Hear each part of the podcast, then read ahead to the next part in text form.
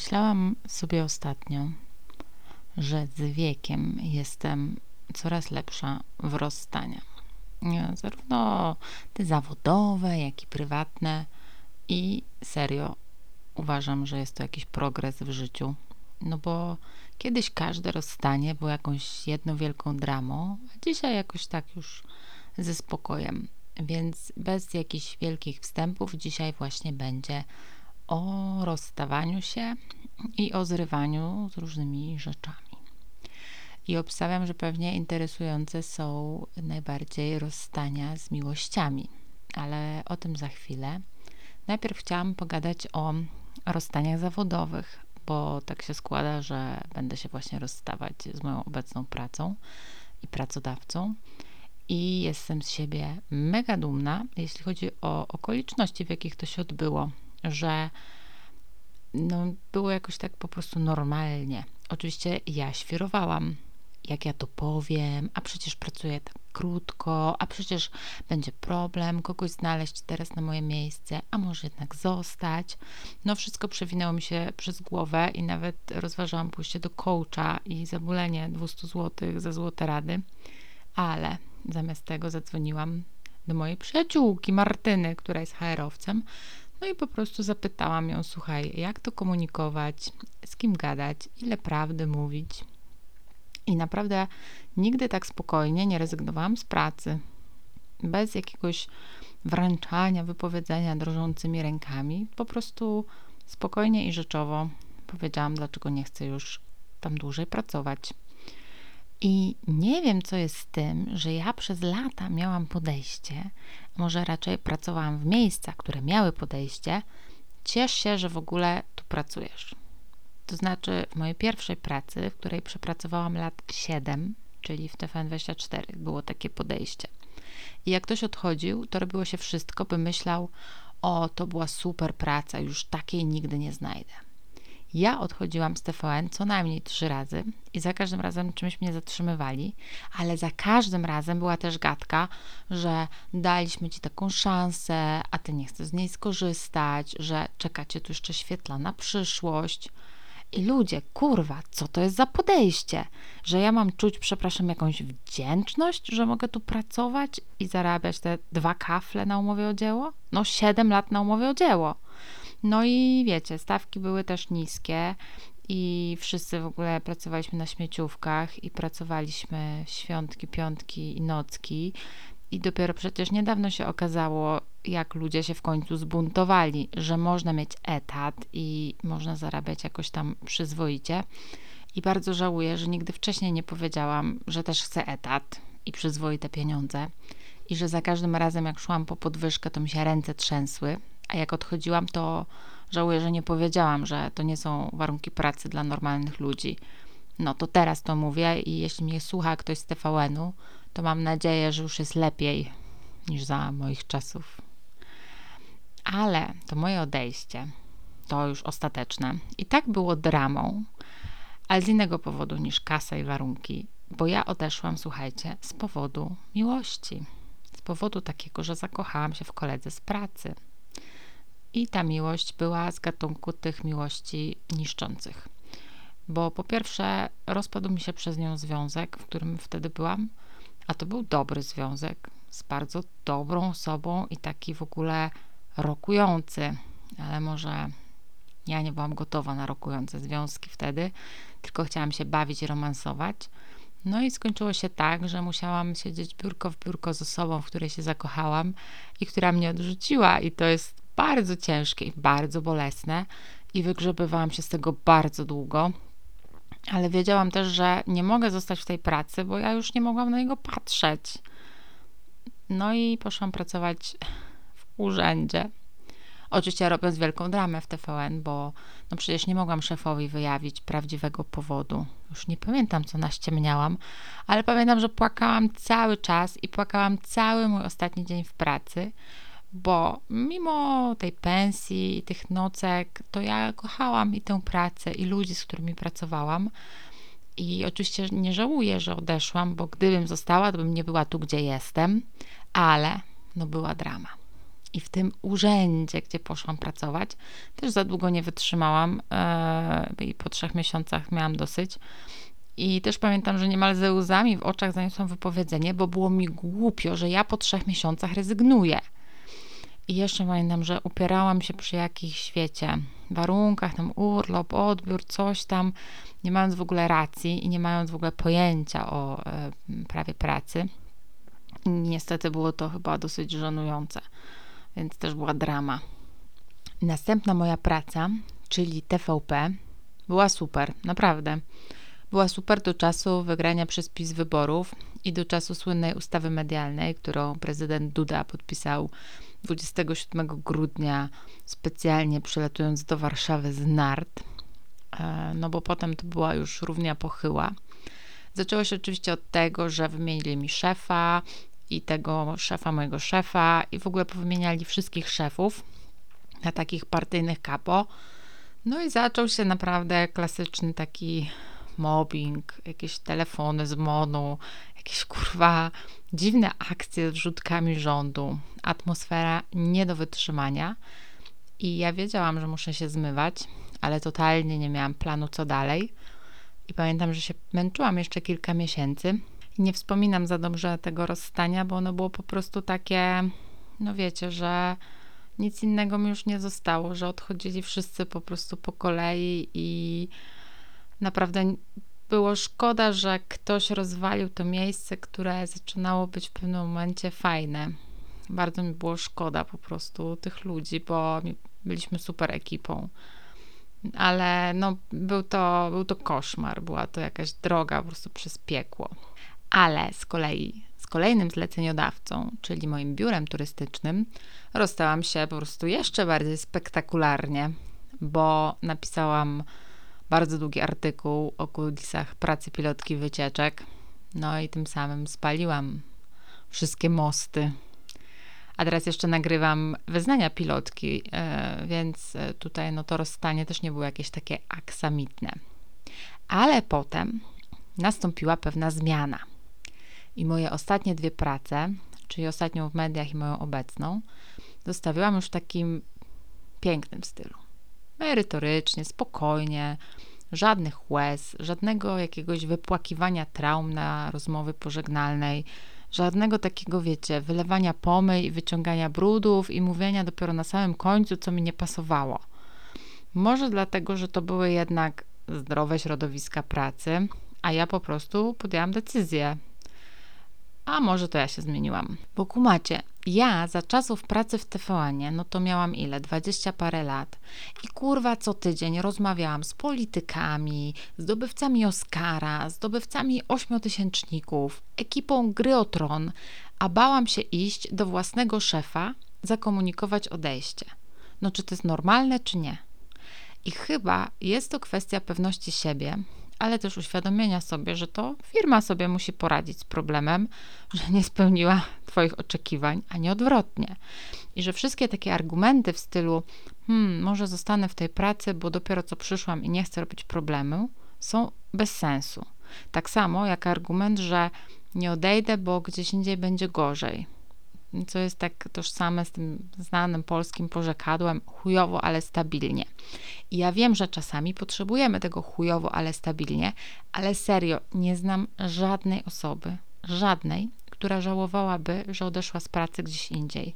Nawet jeśli to nowe miejsce też nie było aż tak super, ale no, jest coś dalej. Ja zauważyłam, że zmiana pracy przede wszystkim otwiera oczy i perspektywy. I wiem, że to brzmi jak frazes, ale ja po wyjściu z mediów i zmianie branży naprawdę poczułam się, jakbym siedziała e, trzy lata pod kamieniem i totalnie y, rozumiem ludzi, którzy lubią stałość, ale ja jestem jednak jedną wielką zmianą i za każdym razem zmiana pracy dodawała mi czegoś nowego. Nowych umiejętności, poznania nowych ludzi, przekonania się, co lubię, co nie i w czym jestem dobra, a w czym nie. I to jest bardzo cenne. I ja w końcu teraz, po 14 latach pracy, zrozumiałam, że nie mam takiej ambicji robienia kariery. Kumacie, że ja nie muszę mieć przed nazwiskiem head of, a nie wiem, coś tam, no. I ja chcę robić to, co lubię i na czym się znam, i chcę za to dostawać spoko kasę, i wcale nie muszę iść żadną jakąś tam korpodrogą i awansować y, i nie nadążać ze zmianą opisu na LinkedInie i że wcale nie trzeba tego robić i każdy, absolutnie każdy ma prawo iść taką drogą, jaką chce. Amen. Teraz będzie o rozstaniach prywatnych. Zresztą tu się wydarzyło dokładnie to samo. I obstawiam, że nie tylko u mnie, czyli od dramy do spokoju. No i przypomnijcie sobie wasze pierwsze miłości i związki. Ile dramy tam było? No, u mnie non-stop. Łez wylanych wiadra. Że się rozstajemy, że jednak nie, że wracamy do siebie, że jednak nie, bo ten związek nie ma przyszłości, ale jednak wróćmy jako przyjaciele, a może tylko na seks, a po prostu, no, ja nie wiem, czasami to już sama nie wiedziałam, czy jestem w związku, czy nie i jaki sobie status ustawić na Facebooku. Dobrze, że było to skomplikowane. No, generalnie masakra. I nie mówiąc już o tym, że jak się ma lat 18 czy 19, to wszystko ura, urasta do rangi końca świata. No i człowiek ma też wokół siebie często interesujących i buzujących od hormonów ludzi, i bardzo jest ciężko wybrać, z kim się chce być. I moje nastoletnie związki, a właściwie to ten jeden dłuższy związek, przerywany interesującymi ludźmi i hormonami, no był bardzo burzliwy. Był jak kurwa nawałnica, która tutaj w zeszłym tygodniu przeszła przez Warszawę. Rozstawaliśmy się chyba z 8 razy i za każdym razem była drama i takie długie rozmowy o tym, dlaczego nie możemy być razem, i płakanie, i łzawe SMS-y, i łzawe wpisy w pamiętniku, i ustawianie sobie słów piosenek Linkin Park na gadu-gadu. No taka mroczno-romantyczna wizja powieściowa, a potem jeszcze bardziej powieściowo się okazywało, że jednak nie możemy bez siebie żyć i tak wszystko od nowa. Uwaga, znowu będzie mądrość, inaczej zwana sucharem. Im dalej w las, tym więcej drzew. Mój studencki związek, trwający też jakieś 3 lata, skończył się gigaskandalem. Takim zestawianiem ultimatum, z przesyłaniem sobie rzeczy przez osoby trzecie, ze stwierdzeniami typu nie zbliżaj się do mnie i w ogóle czuję lekką, a może nawet nie lekką falę żenady. Bo tam była też historia, w której typ najpierw y, zarobił na moje konto 11 mandatów od ZTM, E, przepraszam, ZDM za brak opłaty parkingowej. Wiecie, to było 550 zł na studencki budżet, majątek. Potem pożyczył ode mnie samochód, który się zepsuł. I on do mnie dzwonił, że to jest moja wina, bo ja coś tam, nie wiem, nie dopilnowałam. I teraz ja mam ściągać pomoc i lawetę. I co ja głupia zrobiłam? No oczywiście ściągnęłam tę pomoc i lawetę, a na sam koniec typ jeszcze chciał ode mnie odkupić samochód. I co zrobiłam? No, zgodziłam się. I nawet nie żałuję tak bardzo, że się zgodziłam, tylko że się zgodziłam, kurde, tak tanio. No, masakra. I następnym razem wcale nie poszło mi lepiej, bo rozstałam się przez to, że zakochałam się w koledze z TVN-u. No i była drama i złamane serce i krzywda, którą komuś wyrządziłam i tak w ogóle nie powinny wyglądać rozstania a już na pewno życie po rozstaniu nie powinno wyglądać tak, że nie wstaje się z łóżka i chlipie w poduszkę non-stop i oprócz tego, że rozwala się sobie życie, to się rozwala życie jeszcze drugiej osobie. No, to było naprawdę takie najgorsze rozstanie w moim życiu i zachowałam się bardzo źle. Ale potem było już coraz lepiej. No, czas chlipania w poduszkę i siedzenia między lodówką a ścianą po prostu sukcesywnie malał. I nawet po ostatnim rozstaniu to pojechaliśmy już wtedy z moim właściwie formalnie byłem na break-up holiday, bo już mieliśmy zaplanowane i kupione bilety i szkoda nam było rezygnować. I było całkiem fajnie, jak na wspólne wakacje z kimś, y, z kim właśnie się rozstaliście. No więc to już była taka klasa, nie? To już takie dobre rozstanie. No ale dlaczego ja w ogóle o tym mówię? Dlatego, że uważam, że rozstania z pracą, z ludźmi, z nałogami są czymś, czego się można trochę nauczyć w życiu, bo to się zdarza ciągle. I sztuką jest tak naprawdę czegoś się z nich nauczyć i tak naprawdę czegoś o sobie. I ja przez te wszystkie lata rozstań i zerwań nauczyłam się na przykład w końcu mówić nie złym relacjom, czy zawodowym, czy prywatnym, takim, które po prostu nie są dla mnie dobre. I to jest bardzo trudne, i to wymagało ode mnie wielu godzin między ścianą a lodówką, i wymagało przewalczenia w sobie mechanizmu takiego, że jesteście bardzo głodni, a przed wami stoi pączek z biedry, ociekający tłuszczem i smażony na smalcu i z samymi po prostu konserwantami. A wiecie, że za godzinę będziecie jeść krewetki w tempurze i trzydaniową kolację od Wojciecha Amaro. No i teraz pytanie, czy zjecie tego pączka, czy nie? Czy zaczekacie na Amaro? Ja zawsze wolałam nie czekać i zjadać te pączki, angażować się w relacje mocno średnie, tylko po to, by angażować się w jakiekolwiek, by być z kimkolwiek, chociaż na chwilę. I nie mówię tu w ogóle o jakimś, wiecie, seksie z Tindera, tylko o emocjonalnym angażowaniu się i lokowaniu uczuć w osobie w ogóle tym niezainteresowanej, zamiast poczekać na zainteresowaną i zamiast poczekać na tę trzydaniową kolację Łamaro. I pierwszy raz, jak powiedziałam nie takiej relacji, która nic ze sobą nie niosła poza jakimś chwilowym zaspokojeniem głodu, no to pamiętam, że przeleżałam ileś czasu w korytarzu własnego mieszkania, tak, no, tonąc w tym morzu łez. I świadomie powiedziałam nie pączkowi. I byłam z siebie mega dumna. I chcę Wam powiedzieć, że ta sztuka mówienia nie i sztuka rozstawania się z relacjami, które nie są dla nas dobre, jest chyba jedną z trudniejszych rzeczy, jaką w ogóle robi się w życiu, bo to dotyczy nie tylko związków i pracy, ale też znajomych, którzy na przykład mają na nas nie za dobry wpływ. Może też dotyczyć relacji w rodzinie. I takie dojrzałe spokojne i świadome kończenie pewnych relacji albo pewnych etapów relacji, bo relacje też się przecież zmieniają w czasie, jest bardzo trudne, ale też bardzo budujące, bo to jest oznaką, moim zdaniem, tego, że robicie coś dla siebie, wybieracie coś dobrego dla siebie i decydujecie się na siebie, zamiast na nie za fajny, chujowy, ale stabilny związek albo chujową, ale stabilną pracę albo no to jest trochę jak rzucanie palenia.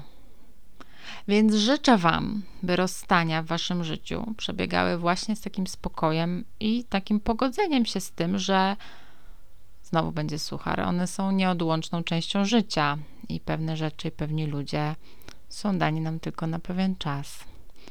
I życzę Wam, byście zachowywali dobre wspomnienia. No chyba, że chcecie robić dramę, to róbcie. Róbcie to, co dla Was dobre. Pozdrawiam Was serdecznie. Ja się nazywam Joanna Kocik, a to był podcast Nasze z Longu. Do usłyszenia.